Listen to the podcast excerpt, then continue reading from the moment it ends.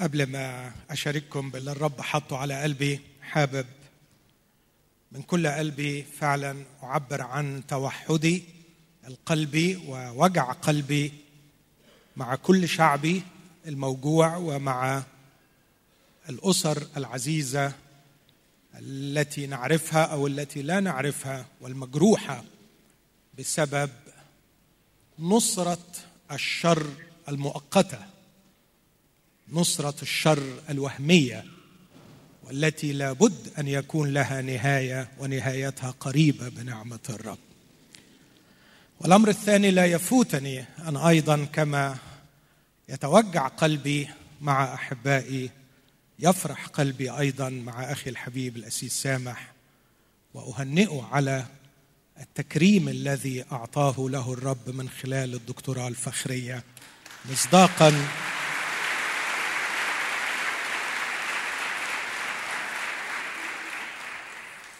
مصداقا لتعليم الكتاب المقدس. يقول الرب أما من جهتي فحاش لي فإني أكرم الذين يكرمونني والذين يحتقرونني يصغرون.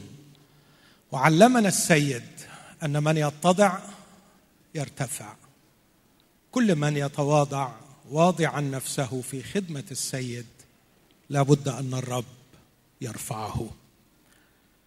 الحقيقة كنت في حيرة آه ما هي الرسالة التي يمكن أن يبلغها الرب لشعبه في هذا اليوم؟ آه شعرت أنه صحيح السلسلة اللي أنا ماشي فيها هي عن الألم لكن شعرت ربما من الأفضل أن أقدم بعض الأفكار التي أشعر أنها رسالة من الرب لنا. وأؤجل استكمال رسالة الألم أو الكلام عن الألم للاجتماع القادم. مش الشهر القادم لكن الاجتماع الثاني اللي هو بيكون بعد الاجتماع ده مباشرة. فسأستكمل حديثي في الاجتماع الثاني عن كيفية تكوين عقل مسيحي قادر على مواجهة الظروف الصعبة قادر على مواجهة الألم حينما يحدث كتلك التي نجتاز فيها في هذه الأيام. لكن في هذا الاجتماع شغلت بهذه الرسالة التي تدور حول سؤالين أعتقد أن كثير من أحبائي بيطرحوهم أو بيفكروا فيهم أو السؤالين بيطرحوا أنفسهم عليهم. السؤال الأول فين الله؟ فين الله من كل اللي بيحصل؟ فين الله في وقت الشر والظلم والفساد؟ فين الله؟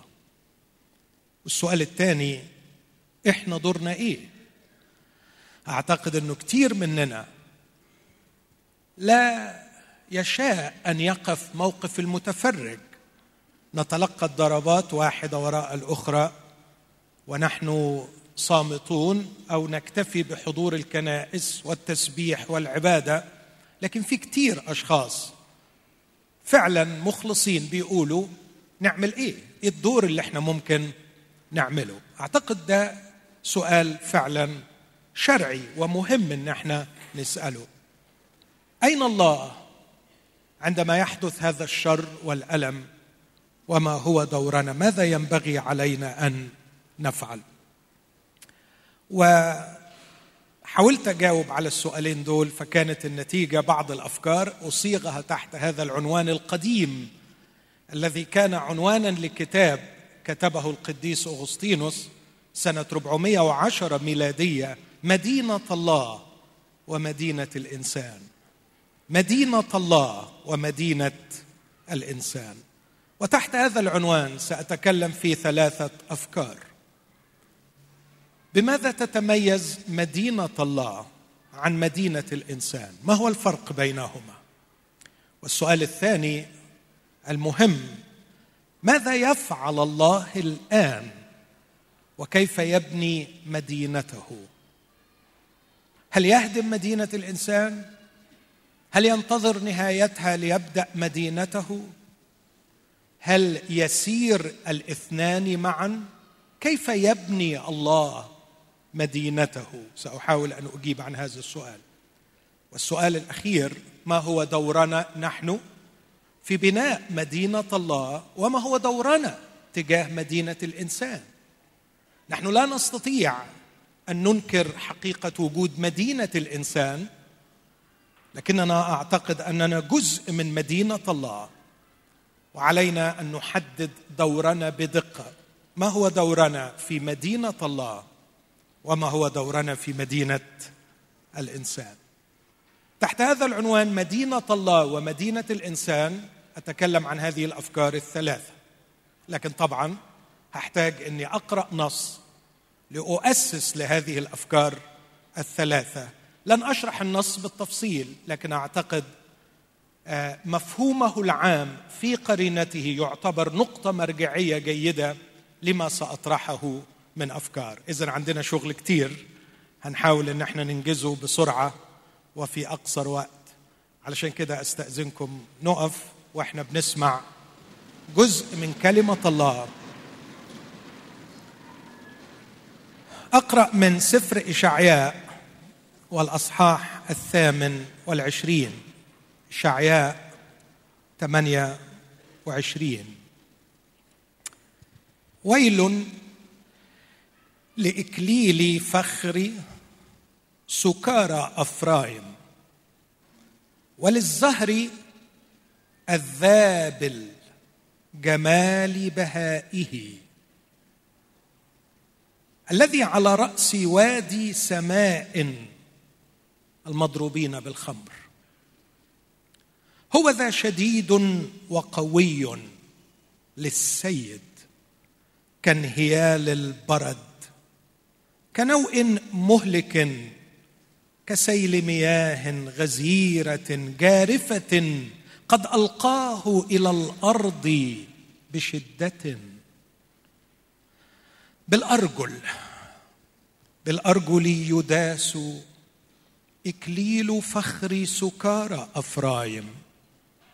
ويكون الزهر الذابل جمال بهائه الذي على رأس وادي السماء كبكورة التين قبل الصيف. التي يراها الناظر فيبلعها وهي في يده.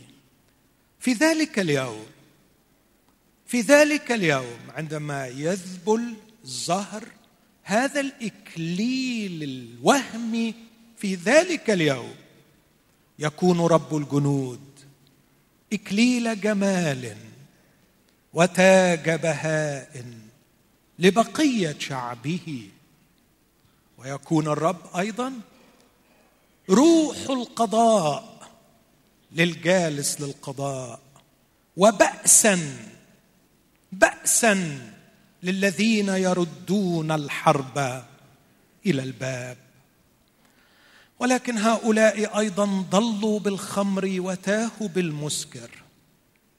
الكاهن والنبي ترنحا بالمسكر. ابتلعتهما الخمر. تاها من المسكر. ضلا في الرؤيا. قلقا في القضاء. فإن جميع الموائد امتلأت قيئا وقذرا. ليس مكان. لمن يعلم معرفة ولمن يفهم تعليما للمفطومين عن اللبن للمفصولين عن الثدي لأنه أمر على أمر أمر على أمر فرض على فرض فرض على فرض. هنا قليل هناك قليل. إنه بشفة لكناء وبلسان آخر يكلم هذا الشعب. الذين قال لهم هذه هي الراحة أريح الرازح. وهذا هو السكون ولكن لم يشاءوا أن يسمعوا. فكان لهم قول الرب امرا على أمر امرا على أمر فرضا على فرض فرضا على فرض هنا قليلا هناك قليلا لكي يذهبوا ويسقطوا إلى الوراء وينكسروا ويصادوا فيؤخذوا. لذلك اسمعوا كلام الرب يا رجال الهز. ولاة هذا الشعب الذي في أورشليم لأنكم قلتم قد عقدنا عهدا مع الموت وصنعنا ميثاقا مع الهاوية. الصوت الجارف إذا عبر لا يأتينا لأننا جعلنا الكذب ملجأنا. وبالغش استترنا. لذلك هكذا يقول السيد الرب. أنا ذا أؤسس في صهيون حجرا. هللويا. أؤسس في صهيون حجرا. حجر امتحان حجر زاوية. كريما أساسا مؤسسا. من آمن؟ لا يهرب. من آمن؟ لا يهرب. وأجعل الحق خيطا والعدل مطمارا فيخطف البرد ملجا الكذب. فيخطف البرد ملجا الكذب. ويجرف الماء الستارة. ويمحي عهدكم مع الموت. ولا يثبت ميثاقكم مع الهاوية. الصوت الجارف إذا عبر تكونون له للدوس. هذه هي كلمة الرب. دعونا ونحن وقوف. نطلب من الرب أن يتحدث إلينا. أبانا علمتنا قائلا إلى الشريعة وإلى الشهادة. إن لم يقولوا مثل هذا القول ليس لهم فجر ونحن أبانا عندما تحوم الغيوم لا يبقى لنا إلا سراج الكلمة. التي علمتنا عنها قائلا هي سراج منير في موضع مظلم تفعلون حسنا إن انتبهتم إليها. أبانا نأتي إليك بقصورنا بضعف أفهامنا بمحدوديتنا التي لا ندعيها لكنها حقيقة نعترف بها. راجين أن تشملنا بنعمتك وأن ترحمنا وأن تعطينا حبا حقيقيا لك وفهما عميقا لحقك. اسمع يا أبانا وأعطي عبدك الضعيف نعمة ليوصل لإخوته رسالتك في اسم المسيح. آمين.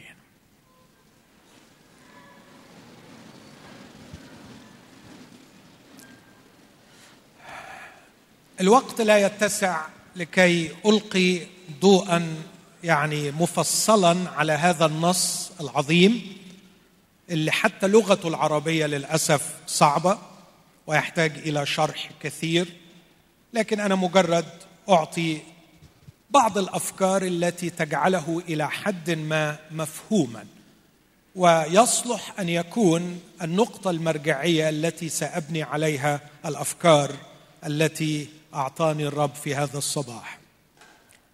هذا النص كتبه إشعياء مسوقا من الروح القدس بصدد مملكة إسرائيل الشمالية والتي كانت عاصمتها السامرة.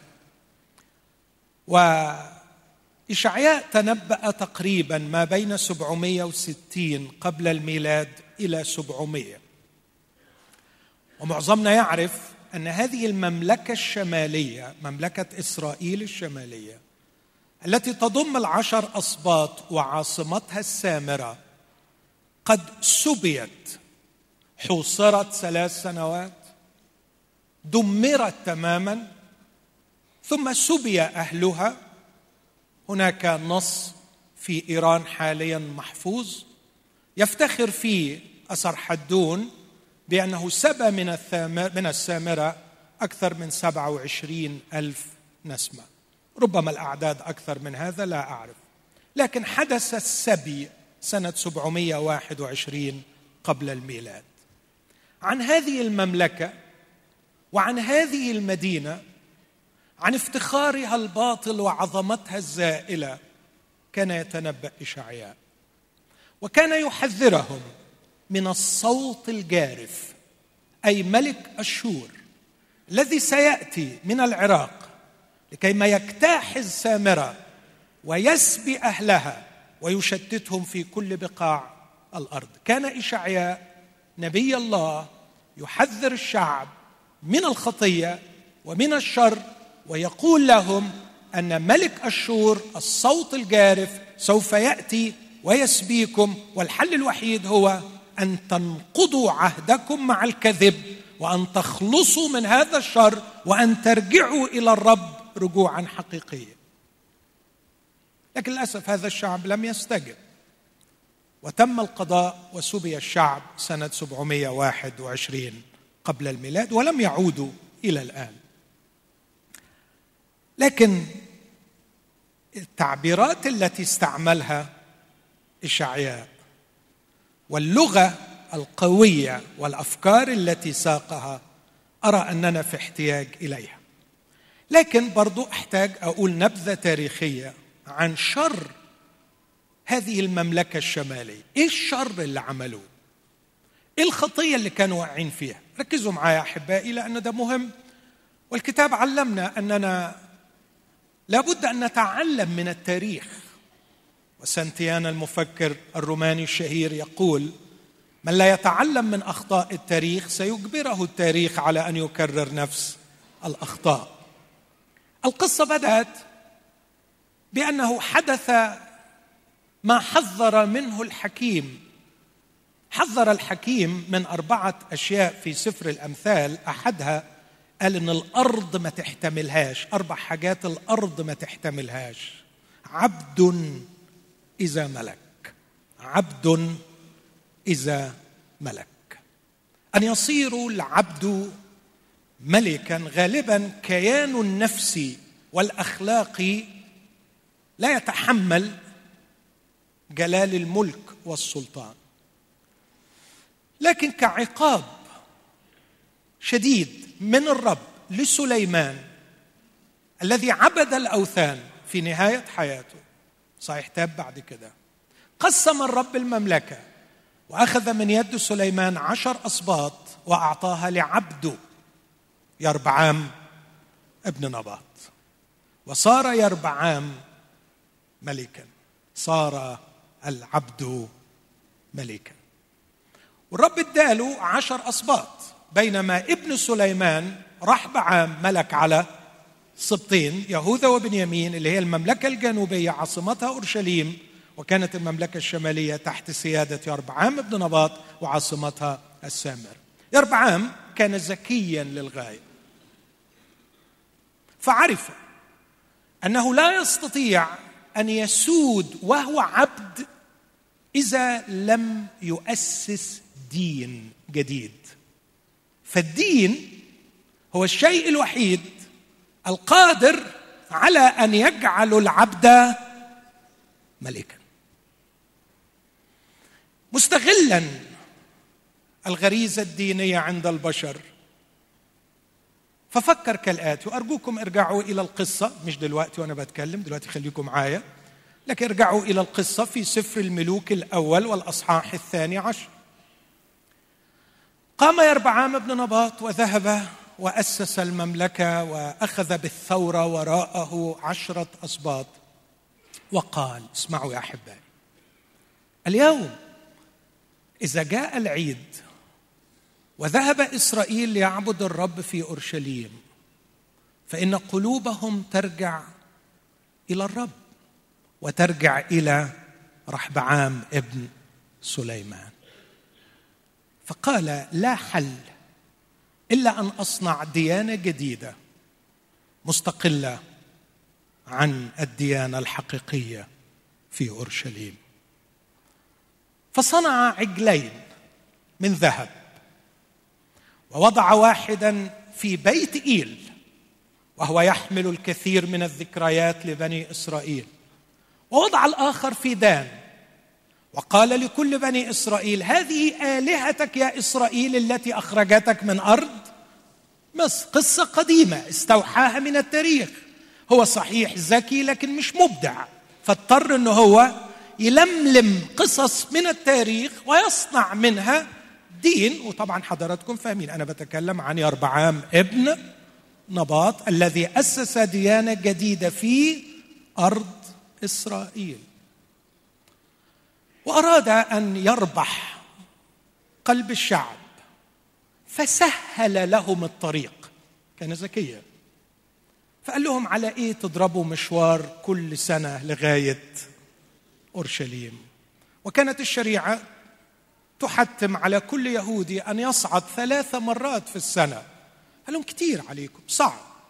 وبعدين إحنا نعمل نفصل اللي إحنا عايزينه فنحط واحد في دان وواحد في بيت إيل اللي قريب من بيت إيل يروح يعبد في بيت إيل اللي قريب من دان يروح يعبد في دان جعلها يسر جعلها سهلة جعلها ميسرة على الناس لكي يستطيعوا أن يعبدوا وهم مستريحين. لكن طبعا كان الغرض سياسيا بحتا وكانت الرغبة هي الملك وحده. خوفا من إذا عادوا إلى أورشليم ليعبدوا الله الحي الحقيقي تميل قلوبهم إلى ابن داود المعين من الله الممسوح من الله فيخسر هذا العبد مملكته. لكن طبعا لا تكتمل أركان الدين إلا بوجود مكان للعبادة وكهنة وعيد أو أعياد. فأقام كهنة للعجول التي في دان وبيت إيل. وحدد عيد ما ينفعش دين لما تروح حضرتك تدرس اكاديميا. ما هو تعريف الدين؟ تجد أنه شيء ضروري من أساسيات أي دين أن تكون هناك مناسبة اجتماعية ضخمة يعيد فيها الناس بالألاف أو بعشرات الألاف أو بمئات الألاف. فأقام عيد وبرضه راح عمل حركة التقليد. هي سمه في عام ابن نباط. كان عيد الفصح الشهير في اليوم الرابع عشر والخامس عشر من الشهر الأول. جعله أيضا يوم الخامس عشر لكن من الشهر الثامن. لابد أن يكون هناك بعض التغيير لكي ما يكون هناك يعني مصداقية لهذا الدين. أقام يربعام بن نباط دينا جديدا لكي يملك. وللأسف الشديد يا أحبائي كان هذا الدين الجديد هو حجر الامتحان لقلوب بني البشر. من الذين يبحثون عن الحق؟ ومن الذين يبغون عبادة العجل؟ وكما حدث قديما عندما صعد موسى وغاب هناك كثيرون عبدوا العجل لمجرد غياب أربعين يوم. كثيرون يعبدون الرب شكليا. لكن عند وقت الامتحان تظهر حقيقة القلوب أن عبادة العجل أفضل وأسهل وأرخص وممتعة سهلة جدا تعطيك كل متعك. عبد الشعب العجل وأكلوا وشربوا وقاموا للعب. لا قداسة لا أمانة لا حب يضحي بالذات لا غفران يكلف صاحب الألم. لا حق ينبغي البحث والتفتيش والإرهاق والتعب. لا عيشة بالأمانة في الداخل والخارج لكن يكفي مظهر من الخارج. عبادة الرب الحقيقية مكلفة لكن عبادة العجل ممتعة. لذلك نجحت عبادة يربعام بن نباط. نجحت ديانة يربعام ابن نباط. وظل أنبياء الله لا يبرئون هذا الرجل قط. وكانوا يقولون هذا صار في طريق خطايا يربعام ابن نباط الذي جعل إسرائيل يخطئ وهو واحد من ثلاثة.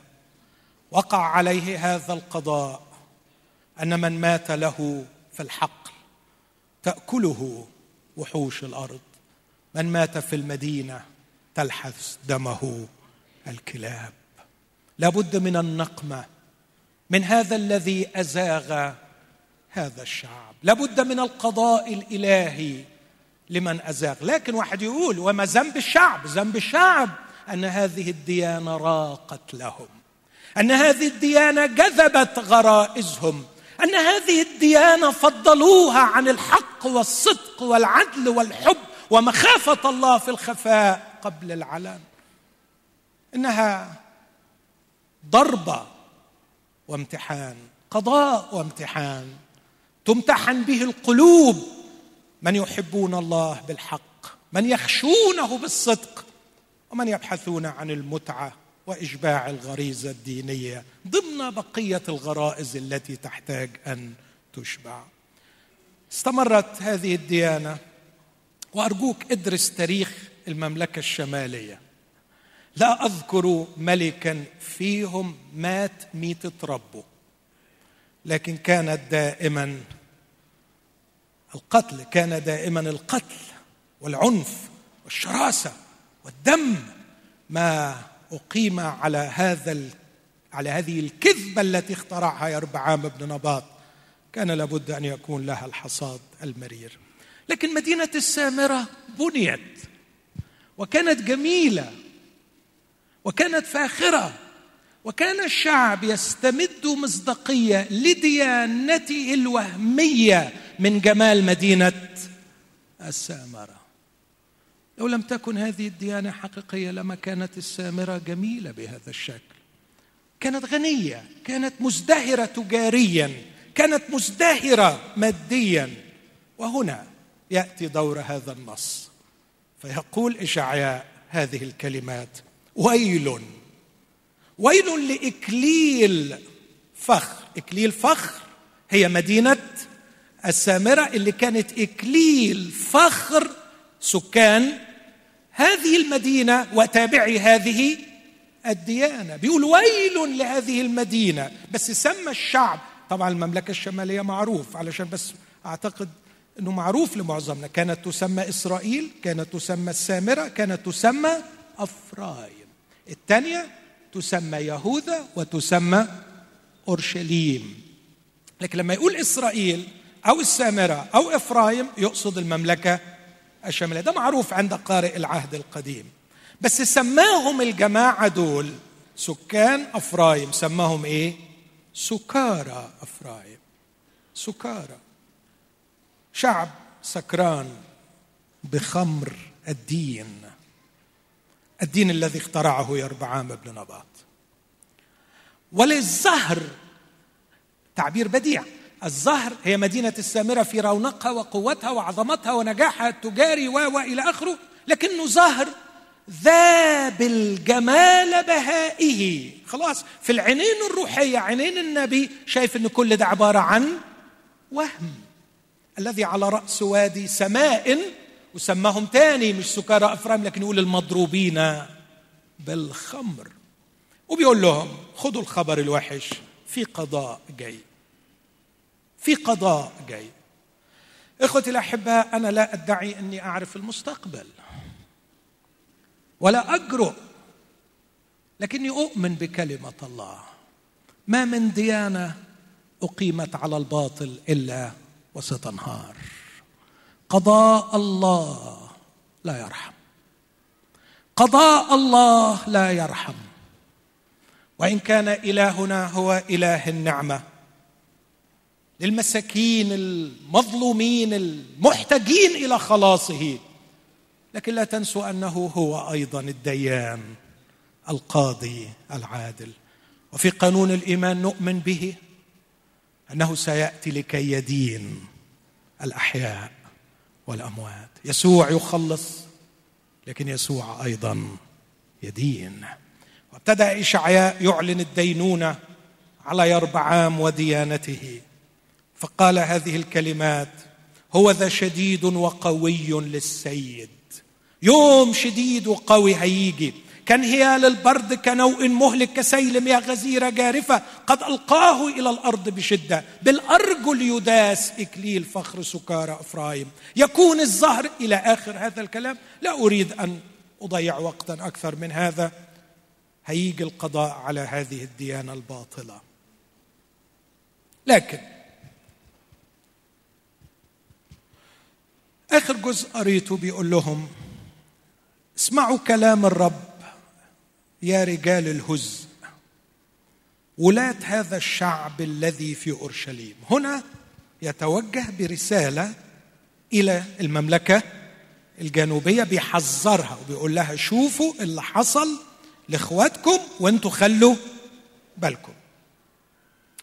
لأنكم قلتم قد عقدنا عهدا مع الموت وصنعنا ميثاقا مع الهاوية. الصوت الجارف إذا عبر لا يأتينا لأننا جعلنا الكذب ملجأنا وبالغش استترنا بيقول لهم مسألة مش مسألة إنكم ما عملتوش عجول لكن طول ما أنتم ملتحفين بالأكاذيب مش هتفرقوا عن حال إخواتكم. واللي حصل لهم هيحصل لهم والصوت الجارف اللي هيأذيهم برضه هيأذيكم. وتم هذا الكلام. بعد حوالي مئة سنة 606 قبل الميلاد من نفس المنطقة جاء ملك بابل ودمر المملكة الجنوبية لأنهم قالوا عقدنا عهدا مع الموت وجعلوا الكذب ملجأهم وبالغش استتروا في وسط هذه الإعلانات المخيفة القضائية وعلى فكرة لما أقول إعلانات قضائية هي فعلا مخيفة لكن في نفس الوقت هي معزية. مخيفة للظالم لكن معزية دائما للمظلوم. تخيل لو المظلوم قالوا له ما فيش قضاء يضيع كل رجاء. رجاء المظلوم في القضاء العادل أن ينصف. ونحن نؤمن يا أحبائي يوجد في السماء قاضي عادل. يوجد في السماء قاضي عادل. لذا إذا رأيت ظلم الفقير ونزع العدل ونزع الحق من البلاد فلا ترتع لأن فوق العالي عاليا يلاحظ والأعلى فوقهما. يوجد في السماء قاضي عادل لابد أن يقضي. لكن في وسط رسالة القضاء في خبرين حطهم إشعياء بإبداع يرينا نفسه كالنبي الإنجيلي أكثر نبي تكلم عن شخص يسوع المسيح. بيقول في وسط القضاء عدد خمسة الحقيقة هو ده اللي نفسي ننتبه إليه عدد خمسة وعدد 16 فعدد خمسة في ذلك اليوم اليوم اللي هيفنى فيه فخر سكارى إفرايم في اليوم اللي هيزبل فيه جمال بهاء المملكة الشمالية في ذلك اليوم يكون رب الجنود إكليل جمال وتاج بهاء لبقية شعبه. في ذلك اليوم في الوقت اللي يبقى فيه الجمال الوهمي يذبل الجمال الحقيقي يزداد. في نفس اليوم اللي فيه أنهار الكذب يلمع الحق. يكون الرب اكليل جمال وتاج بهاء وهيكون الرب هو روح القضاء. للجالس للقضاء يدي حكمة وتمييز وعدل في الأحكام. وبأسا أي قوة للذين يحاربون حروب الرب. في أصحاح 28 عدد 16 بيقول أنتوا بتقولوا التجأنا بالكذب. عايز أقول لكم الكذب ما يحميش. الكذب هينهار. الكذب ما ينفعش يكون حصن. الكذب بيقولوا المصريين ملوش رجلين. الكذب ملهوش أساس. الكذب هيقع. لكن من الناحية الأخرى هكذا يقول السيد الرب. ها أنا ذا أؤسس في صهيون. حجرا. حجر امتحان. حجر زاوية. كريما. أساسا. مؤسسا. من آمن لا يهرب مين الحجر ده؟ مين الحجر ده؟ هو الذي قال عن نفسه. قال لهم أما قرأتم قط؟ الحجر الذي رفضه البناؤون. هو قد صار رأس الزاوية. بطرس اقتبس هذا الكلام. وطبقه على شخص يسوع المسيح. بولس اقتبس هذا الكلام في روميا عشرة. وطبقه على شخص يسوع المسيح. وعاد بطرس بعد عشرات السنين يقول عن المسيح في رسالته الأولى. هذا هو الحجر الذي رفضه البناؤون لكنه مختار من الله. وكريم. إخوتي الأحباء أريد أن أقول في كل التاريخ البشري ظهرت ديانات كثيرة قامت وانهدمت وكل ما بني على كذب سوف يهدم. لكن في كل التاريخ البشري يوجد حجر حجر واحد حجر كريم حجر زاوية أساسا مؤسسا أي أساسا راسخا. وكل من بنى حياته على هذا الحجر لا يهرب. أو بلغة روميا عشره كل من آمن لا يخزى. من آمن بهذا الحجر وبنى حياته على هذا الحجر. هذا الحجر ليه اسم عجيب جميل رائع. اسماء كثيره الحقيقة. اسمه حجر زاوية. يعني إيه حجر زاوية؟ يعني يربط الناس ببعض. أجمل حاجة عملها المسيح. صالح الاثنين معا. يا حجر الزاوية حجر غريب قوي. من غيره ما ينفعش البناء من غيره يتفكك البناء. هو الحجر الذي يضعونه في الزاوية. تلتحم يلتحم به الضلع الأيمن ويلتحم به الضلع الأيسر. يلتحم به الضلعان فيصيران واحد. يسوع هو الذي جاء لكي يكون حجر الزاوية في مدينة الله في بناء الله. يربطنا بالله ويربطنا ببعضنا البعض. ويجعلنا مبنيين معا مسكنا روحيا بيتا روحيا. لكن كمان اسمه حجر أساس. حجر أساس. هو اللي قال على هذه الصخرة أبني كنيستي وأبواب الجحيم لن تقوى عليها. سمى بطرس بتروس بتروس أي حجر وسمى نفسه بترا صخرة. والبتروس حجر مقطوع من هذه الصخرة ليبنى عليها فهو منها ويبنى عليها. ونحن قد أخذنا منه ونبنى عليه. فهو حجر أساسا مؤسسا أو أساسا راسخا. لكن اسمه كمان اسم غريب حجر امتحان. في بعض الترجمات حجر امتحن. حجر امتحن. ترايد ستون حجر تم امتحانه. والحقيقة يا إخوتي الأحباء شيء يملأ قلبي بالطمأنينة إني أتبع مخلصي وربي يسوع المسيح الذي سجلت الأناجيل الأربعة انه امتحن مرارا وتكرارا وفي كل الامتحانات ثبت نجاحه. عندما تبني حياتك على الارتباط بشخص كن ذكيا. واسأل سؤال واحد هل امتحن هذا الشخص؟ هل امتحن اخلاقيا؟ هل امتحن في أمانته؟ هل امتحن في صدقه؟ هل امتحن في محبته؟ هل امتحن في عدله؟ هل امتحن في مخافته الحقيقية لله؟ اقرأ حياة يسوع المسيح. اقرأ هذه الحياة. وانظر إلى يسوع المسيح وهو يمتحن امتحان وراء امتحان وراء امتحان. وأتحداك إن أخرجت عيبا واحدا في حبيبي. انظر إلى أمانته انظر إلى صدقه انظر إلى تعففه انظر إلى شرفه انظر إلى نزاهته. لقد امتحن يسوع. قد عرضت عليه ممالك العالم لكنه رفضها. لم يرفع يسوع سيفا. لم يؤذي يسوع انسانا. لم يأخذ يسوع امرأة.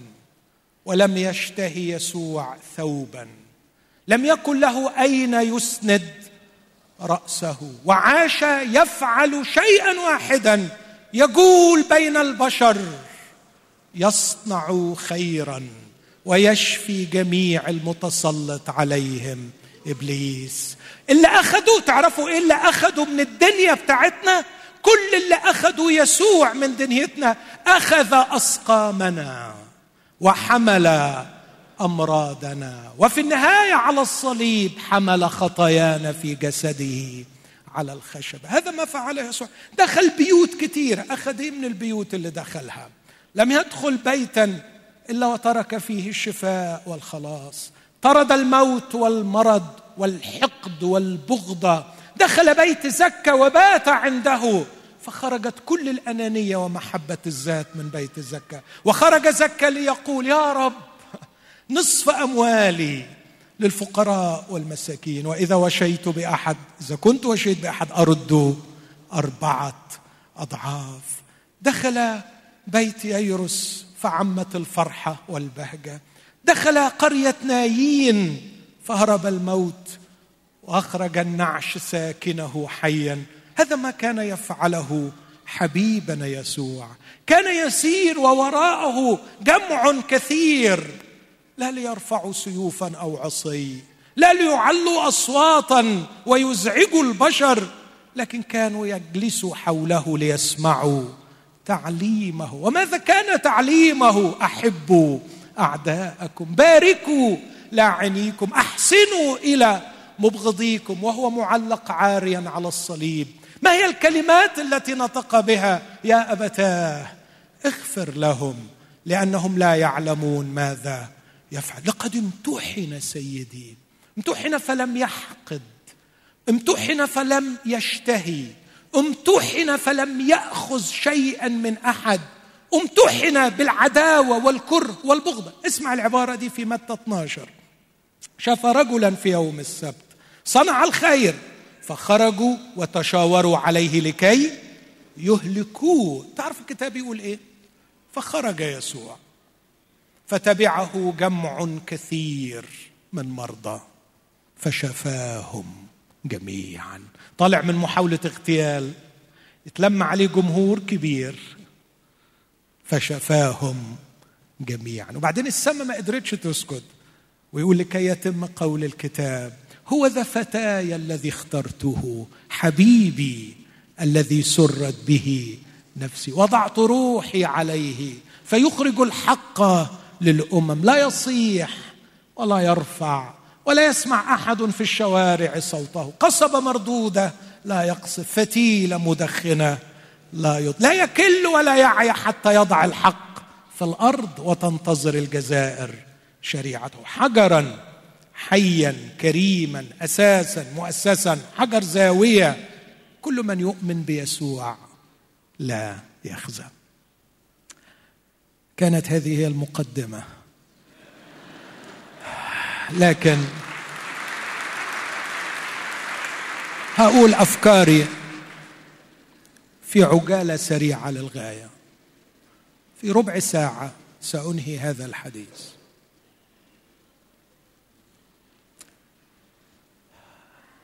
البشر يبنون مدينتهم بالدين بالفلسفة. كتب أفلاطون الجمهورية وتخيل فيها المدينة الفاضلة. حاول أن يتخيل مبادئ هذه المدينة. ووضع مبادئ فلسفية.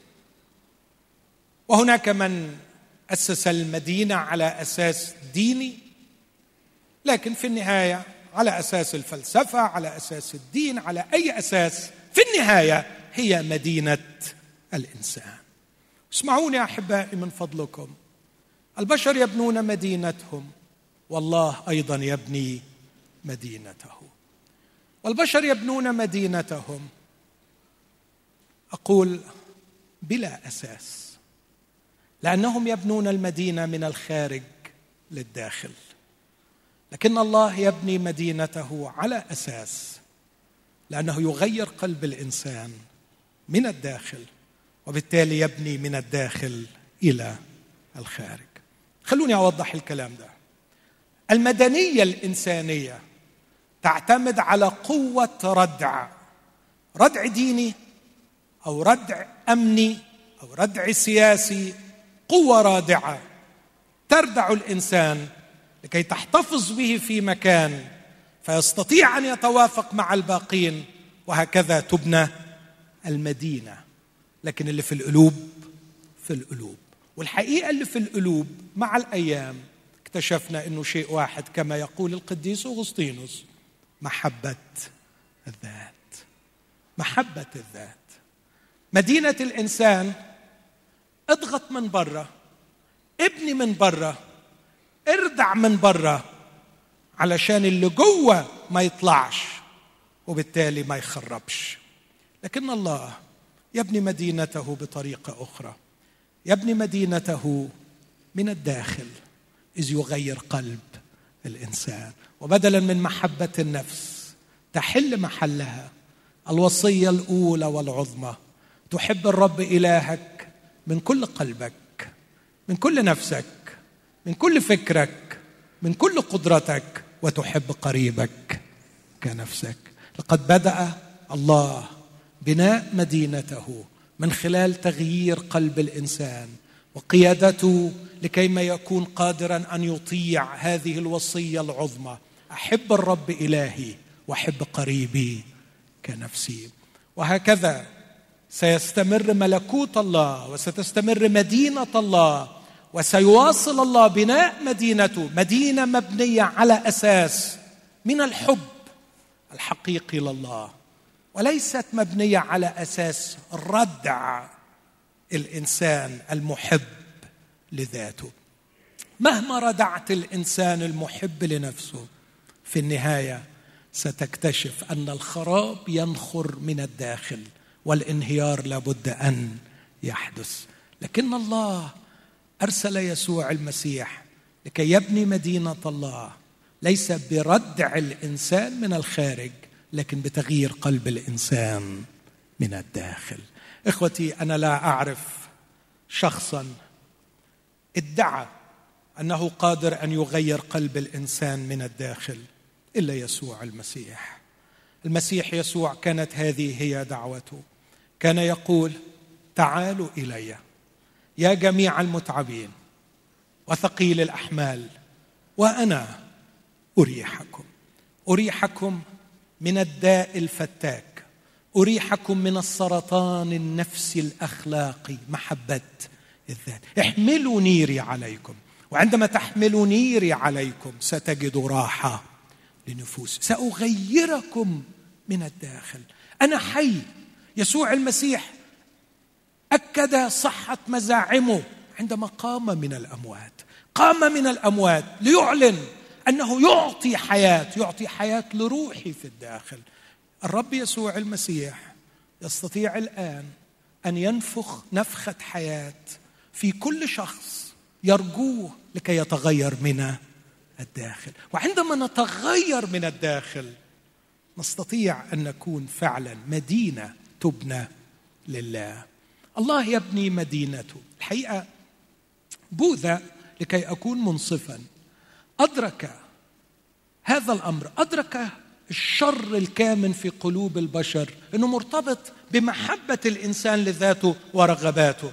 لكن بوذا لم يزعم ولم يدعي ولم يعد إنه قادر إنه يغير قلوب الناس ويخليهم يبطلوا يحبوا نفسهم ويحبوا غيرهم ويغفروا لغيرهم ويقدروا يعيشوا مع غيرهم. بوذا ما قالش كده لكن بوذا قال عليك سكة طويلة جدا سكة طويلة قوي. إيه السكة الطويلة دي؟ إنك تستأصل الرغبة. وكيف نستأصل الرغبة؟ بالبصيرة والاستبصار. وكيف نصل إلى الاستبصار؟ من خلال المعرفة. وكيف نصل من خلال المعرفة؟ من خلال التأمل. وآخرتها هنروح فين؟ الآخر حاجة نوصل للا شيء. نيرفانا. نبقى nothing. الحقيقة قصة ممكن تكذب شوية لكن في الآخر هي قصة هزلية جدا. كل العذاب ده علشان في الآخر أكون لا شيء. لكن على الأقل حط إيده على بيت الداء أن مأساة البشر مش نقص اقتصاد كويس ولا نقص سياسة كويسة ولا نقص فرائض جديدة لكن مأساة البشر هي في محبتهم. لذواتهم. جاء يسوع المسيح لكي يغير هذا القلب من الداخل الحي الذي قام من الأموات. مدينة الإنسان مبنية على الأكاذيب لكن مدينة الله مبنية على الحق. بصوا يا إخوتي الأحباء راجعوا السياسة في التاريخ. راجعوا السياسة في الحاضر. اقرأوها جيدا وأرجوكم حطوا في اعتباركم أن أساس السياسة الأكبر والأشهر هو الكذب الكذب. مدينة العالم مبنية على الأكاذيب. كل من يريد أن يكون حقيقي لابد أن يهدم. علشان كده ما يبنى على الكذب لابد أن ينهار وهذا ما سيحدث. كل ما بني على اكاذيب لابد أن ينهار. لكن يسوع المسيح جاء لكي يبني مدينة الله على أساس الحق. وعن قريب عن قريب عندما تنهار كل الأكاذيب وعندما تكشف كل الحقائق عندما يكشف النقاب ويمتلع ويبتلع الموت إلى غلبة لن يبقى إلا الحق الذي أعلنه شخص يسوع المسيح. لذلك عندما وقف أمام بيلاطس وبيقول له أنت ملك قال له آه أنا ملك. أنا اتولدت علشان أكون ملك بس خلي بالك مملكتي غيركم خالص. أنا ولدت لكي أشهد للحق وكل من هو من الحق يسمع صوتي. ثم مملكة الله تقوم على العدل. والعدل من وجهة نظري ليس فقط أن تعرف الحق لكن أن تشهد للحق أن تقول الحق. العدل أن تصدر حكما وحكما صحيحا طبقا للحق. علشان كده بيقول في عدد 17 بعد ما يقول وأسس في صهيون الحجر يقول أجعل الحق خيطا والعدل مطمارا. المطمار هو الخيط اللي بيقيسوا بيه المعوج أجعل الحق خيطا والعدل مطمارا. سيعطي الرب قوة وروح القضاء لمن يجلسون للقضاء لكن من, من يحملون الشهادة ويقودوا شعب الله لكي يعلنوا الحق ويشهدوا للحق. وده اللي قاله يسوع قدام بيلاطس. وده اللي قاله بولس لتيموساوس أناشدك أمام الله وأمام يسوع المسيح الذي اعترف الاعتراف الحسن وشهد بالحق. إخوتي علينا أن نشهد للحق. علينا أن نقول الحق. إذا اقتنعنا أن هذا هو الحق أعتقد أننا نرتكب خطية كبيرة إذا كنا لا ننطق بالحق. هذه هي مدينة الله الحب والحق والعدل أي الشهادة والنطق بما هو حق. لكن مدينة الإنسان تقوم على محبة النفس على الكذب وعلى الظلم. وعلشان كده مدينة الإنسان سوف تنهار. لكن النقطة الثانية هذه قصة الكتاب المقدس على فكرة. بيقول إن مدينة الإنسان في النهاية سوف تنهار ولن تبقى إلا مدينة الله. لكن وهم موجودين مع بعض كيف يبني الله مدينته؟ ده سؤال مهم قوي من يومين كنت في بلد بعيدة قوي وكنت مع شخص عزيز عليا وقائد كبير وكان بيشاركني بإحباطه. بيقول لي في كوريا آلاف الشباب محبط من الكنيسة بسبب فضايح قادة جوه الكنيسة. آلاف الشباب ترك الكنيسة لأن القادة للأسف الشديد كتير مش مش كلهم أكيد في قادة مخلصين لكن في قادة فضلوا الجنس عن ملء الروح القدس. وفي قاده فضلوا الفلوس عن ربح النفوس. فالشباب لقط وأحبط وساب الكنائس. وأرجوكم اصرخوا معايا من قلبكم ربنا يحمي البلد دي ويحمي القادة الروحيين فيها. يحمي القاده الروحيين من الثلاث مصايب دول. الجنس والمال والكبرياء الاستقلال عن الله. أمين؟ أقول بصرخة متوجع لكل من يخدم الرب بينكم. إذا كنت عايز تشترك في بناء مدينة الله اقطع عهد أمام الله. أن تكون طاهر الجسد. عفيف اليد متواضع القلب. أمين؟ تعالوا بينا نحفظ أجسادنا طاهرة لله. إن كنت متزوج تذكر العهد إنك قلت لها قدام الله وهؤلاء الشهود أحفظ جسدي لك وحدك احفظي نفسك طاهرة لزوجك أمينة للعهد. واحفظ يدك عفيفة عن قرش ملوش لازمة. الرب قادر يفتح عليك كتير قوي. ودعونا نحتفظ بأنفسنا متضعين متذكرين إنه لا شيء منا. وإذا استقلينا عنه لن نصلح لشيء. أمين؟ لكن قال لي كمان محبط محبط من أوروبا. محبط من أوروبا اللي ابتدت وأمريكا في جرايرها. نقل إليه أحد السفراء الأفارقة ان أوروبا وأمريكا بتصر إنه في الوقت اللي جاي لا مساعدات لأي بلد أفريقية لا تصادق على جواز المثليين. سيأخذون موقفا عنيفا ضد هذا الأمر. وآخر قرار أصدره أوباما وهو بيودع اليومين دول. إصدار قرار لكل المدارس الحكومية في أمريكا بفتح دورات المياه للجنسين اللي نفسه في حاجة يروحها. ما تحدوش الشباب ما تقولوش لحد. افرض الواحد هويته الجنسية اختلفت. كان امبارح راجل النهارده شايف روحه ست من حقه يدخل أي دورة مياه. ما تعقدوش الدنيا. إخوتي رأيت هذا الرجل العملاق محبطا. رأيته محبطا. بيقول مش عارف آخرتها إيه. آخرتها إيه. إخوتي نحن ننسى إن الدمار المادي والاقتصادي اساسه أفكار اساسه أخلاق. كتب اوزجينوس المفكر العملاق واللي كان لينا حظ إنه يكون معانا في هذه الكنيسة من فترة مش بعيدة. اوزجينوس كتب كتاب اسمه انتحار شعب حر وهو يتكلم عن أمريكا التي تنتحر الآن. وقال في هذا الكتاب هذه الفكرة الرائعة قال الحرية تكتسب بالثورة وتنظم بالدستور لكنها تستمر بالأخلاق. والأمريكان نجحوا في أنهم اكتسبوا حريتهم بالثورة وبسرعة لم يخطئوا خطأ الفرنسيين وعملوا دستورا عظيما صان لهم هذه الحرية لكن الحرية تتسرب وتنهار. لأنهم هدموا الأساس الذي به تحفظ الحرية وهو الأخلاق. أوعى تفكروا لما بنتكلم عن الأخلاق بنتكلم كلام ما يوكلش عيش. بس المسألة بتاخد وقت. الدول تنهار الإمبراطوريات تنهار. كل بناء عظيم سينهار. إذا لم يكن هناك أساس أخلاقي متين. وعشان كده يسوع المسيح ما جاش يبني اقتصاد ما جاش يبني سياسة ما جاش يبني دولة لكن جاي يبني أخلاق.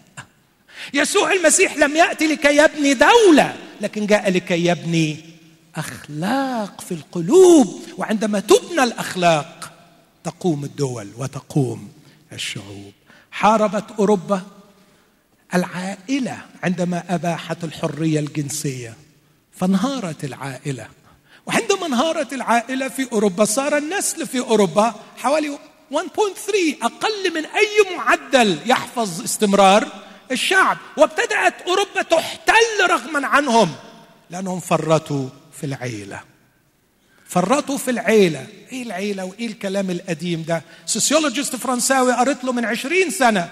قال إنه بعد خمسين سنة سوف ندرس في جامعاتنا أن هناك تنظيم اجتماعي قديم كان يسمى العائلة. في 2006 كنت بتكلم في إيطاليا ولقيت شعار عبادة الشيطان. No Dio no famiglia لا إله ولا عيلة. ونسيوا إن آخر عبارة في العهد القديم إذا انهارت العيلة تأتي اللعنة. أرد قلب الأباء على الأبناء والأبناء على الأباء لئلا آتي وأضرب الأرض بلعن عندما تنهار العائلة لا يبقى للأرض سوى اللعنه عشان كده حمقى حمقى حمقى. وهم يزعمون أنهم حكماء. حرية جنسية. راحت العيلة راحت الحضارة الأوروبية. وافتكروا كلامي. وهتروح كل الممتلكات وهيغور كل شيء. يوم ما فرطوا في المبادئ الأخلاقية عندما نتبنى الأكاذيب عندما نسير وراء الأوهام عندما يكون العنف هو وسيلة بناء الدول حتما سيأتي اليوم الذي سيدفع فيه الثمن. لغاية النهارده بيعالجوا الإرهاب بالقوة وما بيفكروش في علاج الأكاذيب التي بني عليها الإرهاب وعلشان كده الإرهاب هيستمر طول ما الكذب مستمر. لكن بعد ما سمعت لإحباطه قال لي إيه رأيك؟ قلت له الحقيقة يعني اسمح لي أقول شيء بسيط. أنا في مصر مستمتع. إزاي؟ إزاي؟ قلت له أقول لك الحقيقة أنا مستمتع. أنا شايف كل اللي أنت شايفه وكأني أرى خرائب حلب أمامي. لكن الشيء الغريب إني وراء هذه الخرائب أرى الله يبني قصرا عظيما فخما كبيرا. الله! الله! يبني مدينته في قلب خرائب مدينة الإنسان. إنه لم يوقف خرابها لسبب لسبب. لأنه كل ما بني على باطل لابد أن يخرب. ومدينة الإنسان لا يتدخل الله ليهدمها هي تهدم نفسها بنفسها فهي تحمل في داخلها عوامل دمارها الله لن يهدمها هي ستهدم نفسها وستفني نفسها. بس في وسط الخراب بتاع مدينة الإنسان الله يعمل الآن بكل قوة ويبني مدينته العظيمة في قلب خرائب مدينة الإنسان. تشجع هذا القائد واحتضني. وقال لي يا يا شيء مخيف أن تقف عيوننا عند حدود المنظور. ولا نرى رؤيا القدير. نرى ما وراء المنظور. إخوتي الأحباء في خراب. حلب بتهدم وطيارات بتقع وشرور بتنتشر. بس عايز أبلغكم الخبر الرائع ده. آلاف القلوب بتتغير من جوه. آه. آه في مدن بتهدم بس في نفوس بتبنى. ونفس تبنى عند الله أهم من بناء مدينة بأكملها. ماذا ينتفع الإنسان؟ لو ربح العالم كله وخسر نفسه. سيستمر دمار مدينة الإنسان لأنها تحمل عوامل دمارها في ذاتها وستنهار لأنها بنيت بلا أساس وحتما سوف تنهار وسيدفع كل من ارتبط بمدينة الإنسان ارتباطا تاما سيدفع الثمن. لكن في نفس الوقت وإن كان الله لا يتدخل لأنه لا يسير ضد القانون الطبيعي ويمنع انهيار شيء يحمل عوامل انهياره في ذاته لكن الله من الداخل يبني مدينة. يضع الأساس. هللويا. وضع الأساس. وأنا عايز أقول لكم الأساس اللي اتوضع من ألفين سنة. بولس قال عنه ولا يستطيع أحد أن يضع أساسا آخر غير الذي وضع الذي هو يسوع المسيح. وأنا عايز أقول لأي حد بيحط أي أساس تاني أنت مسكين بتضيع وقتك ما فيش اسس تانية هتتحط. هو أساس واحد وحيد اتحط. اللي عايز يبني يبني على هذا الأساس. هذا الأساس يمتد وينتشر ويتغلغل وعمال يدخل في قلوب كتيرة قوي. عمال يدخل في قلوب كتيرة قوي. والله يراقب مدينته تبنى. ولم تزل كلمة يسوع تؤكد صدقها على هذه الصخرة. أبني كنيستي. قال عنها بولس إنها هيكل. ينمو ينمو ينمو نموا مقدسا من الله. الهيكل يبنى هيكل الله. آخر كلمة أقولها. طب إحنا دورنا إيه؟ دورنا إيه؟ بصوا أحبائي. مدينة الإنسان مبنية على قوانين تردع شر الإنسان ينبغي أن نكون مع هذه القوانين. وهذا ما علم به بولس. بولس علم في روميا 13 كلام واضح وقاطع أن الحاكم لا يحمل السيف عبثا لكن للانتقام من فاعلي الشر. فنحن موقفنا من مدينة الإنسان مع كل نظام. مع كل قانون مع كل ردع لشر الإنسان. بس من الجانب الثاني بنقول مش هو ده الحل. الحل الكامل هو في تغيير قلب الإنسان. لذلك علينا ودي النداء الأخير اللي بوصله وبرجوه. هيا هيا مدوا أيديكم واعملوا مع الله في بناء مدينته. إخوتي لا تحبطوا من كثرة مناظر خراب مدينة الإنسان. لا تحبطوا من زيادة شر الإنسان. شر الإنسان مرئي. عمل الله غير مرئي. ونحن غير ناظرين إلى الأشياء التي ترى الإنسان يعمل في الخارج. الله يعمل في الداخل. صلوا معي أن يفتح الرب عيوننا كما صلى أليشع للغلام. افتح يا رب عيني. الغلام. لما اتفتحت عينين الغلام ما شافش الأمور المنظورة لكن شاف الأمور غير المنظورة. فصرخ آه يا سيد إن الذين معنا أكثر من الذين معهم. شاف الملائكة شاف العمل الإلهي. وأنت قاعد قدامي دلوقتي قول يا رب افتح عينيا أشوف العمل الإلهي أشوف النفوس اللي بتتغير أشوف الأكاذيب اللي بتقع من العقول. أشوف الحق وهو بيدخل القلوب. أشوف العقول اللي ابتدت تكره الأكاذيب وتعطش إلى الحقيقة. خليني أشوفهم يا رب. وخليني بقى خليني أشمر دراعاتي واندمج معاك وأدخل معاك في بناء مدينتك. أبني معك مدينتك يا رب. أشترك معك في بناء هذه المدينة. الله يبني الآن. والله يبني الآن بكل قوة وبكل سرعة وهقول تاني بكل قوة وبكل سرعة. العمل الإلهي النهارده شغال بأقصى طاقة له. والله يريد من يعمل معه. تيجي تشتغل مع الرب.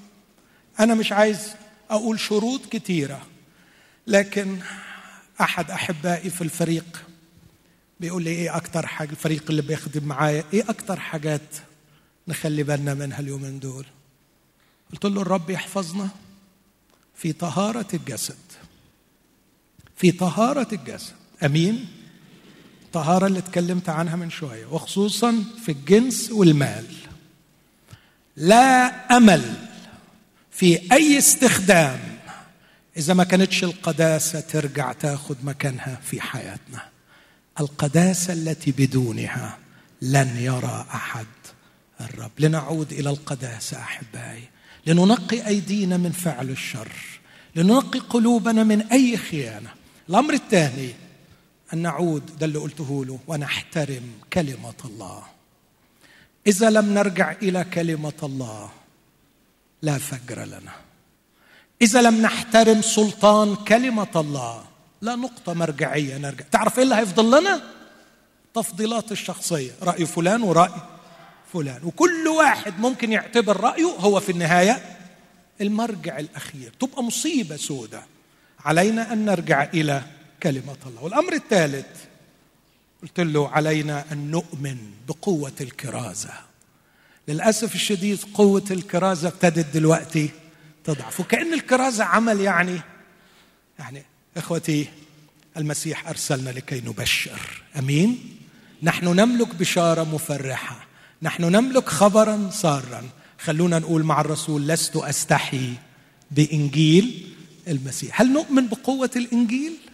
هل نؤمن أن الإنجيل هو قوة الله للخلاص لكل من يؤمن لليهود اولا ثم لليوناني؟ دعونا نتذكر هذه الأشياء الثلاثة التي أعتقد أنها طلبات عاجلة من الله لمن يعملون معه في بناء مدينته. دعونا نحتفظ بقداستنا. ونعتمد كلمة الله مرجعا لنا وأيضا علينا أن نؤمن بقوة الكرازة. فلا نكف اعمل عمل المبشر. في وقت مناسب ووقت غير مناسب لنكرز يا أحبائي لنتمم إرساليتنا في هذه الحياة.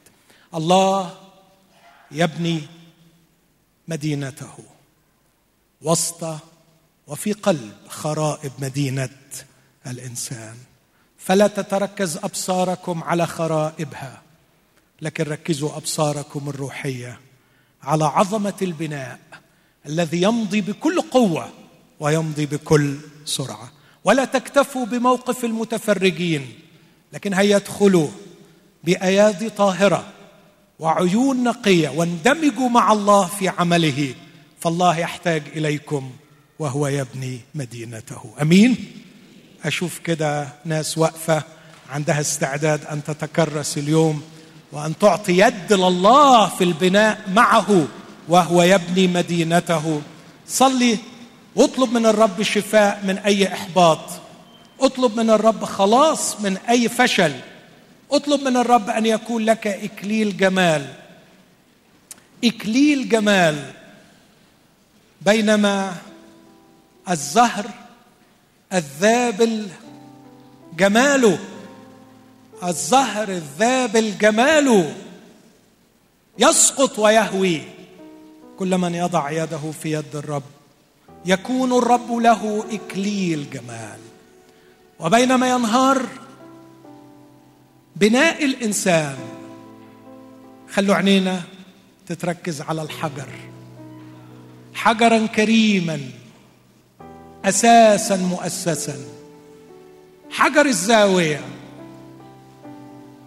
في سفر زكريا سيخرج هذا الحجر بين الهاتفين كرامة كرامة له. قول معايا كرامة كرامة للحجر. سيخرج الحجر بين الهاتفين له. كرامة كرامة له. حجر الزاوية. يسوع الأساس.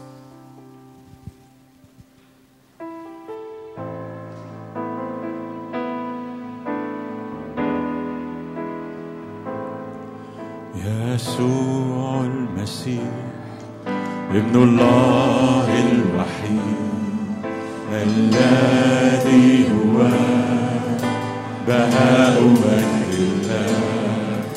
وحامل كل الأشياء بكلمة قدرته وحامل كل الأشياء بكلمة قدرته بعدما صنع بنفسه تطهيرا لخطايانا. جلس في يمين العظمة. جلس في الأعالي يسوع المسيح ابن الله.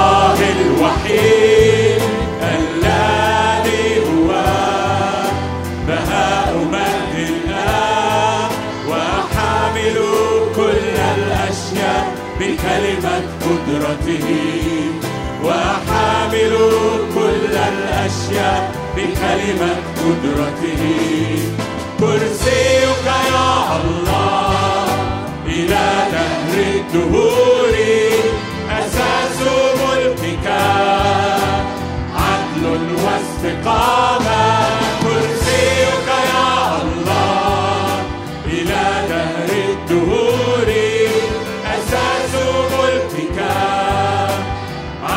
واستقامة أنت القديم الأيام من الأزل للأبد أنت القديم الأيام من الأزل للأبد ملكوتك لن يزول وسلطانك أبدي ملكوتك لن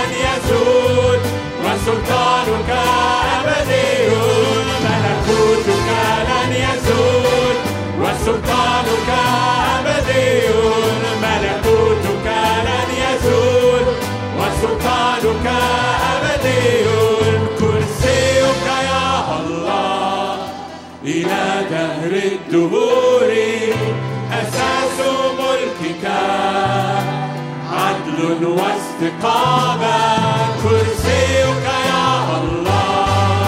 إلى دهر الدهور أساس ملكك. عدل واستقامة أنت القديم الأيام. من الأزل للأبد.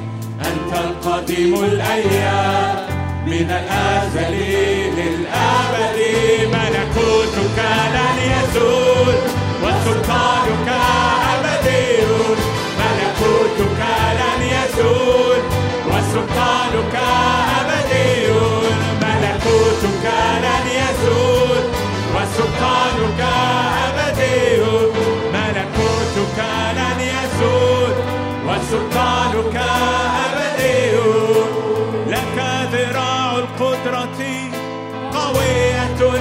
يدك مرتفعة يمينك مرتفعة يمينك.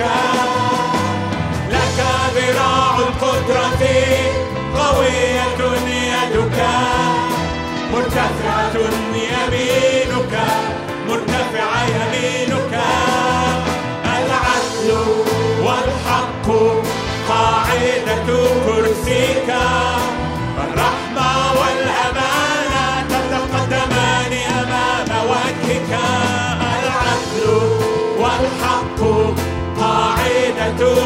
كرسيك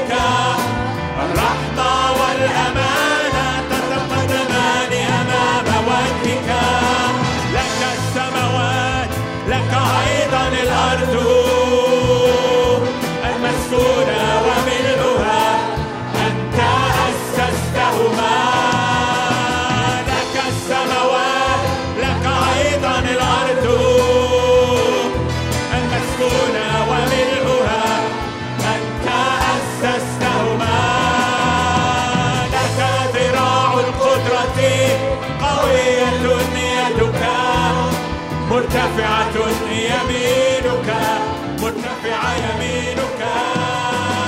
لك ذراع القدرة قوية.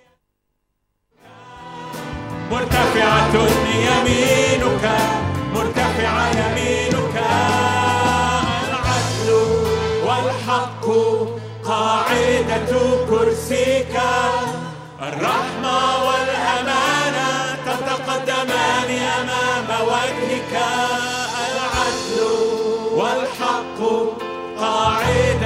كرسيك. الرحمة والأمانة تتقدمان أمام وجهك.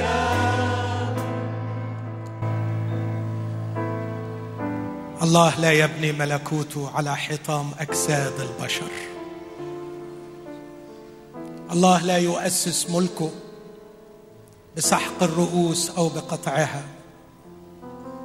الله يؤسس ملكوته بتغيير قلوبنا نحن الحاضرين أمامه. قدم قلبك للرب. قدم كينونتك الداخلية لإلهك. دع العرش يسود ويملك على روحك في الداخل.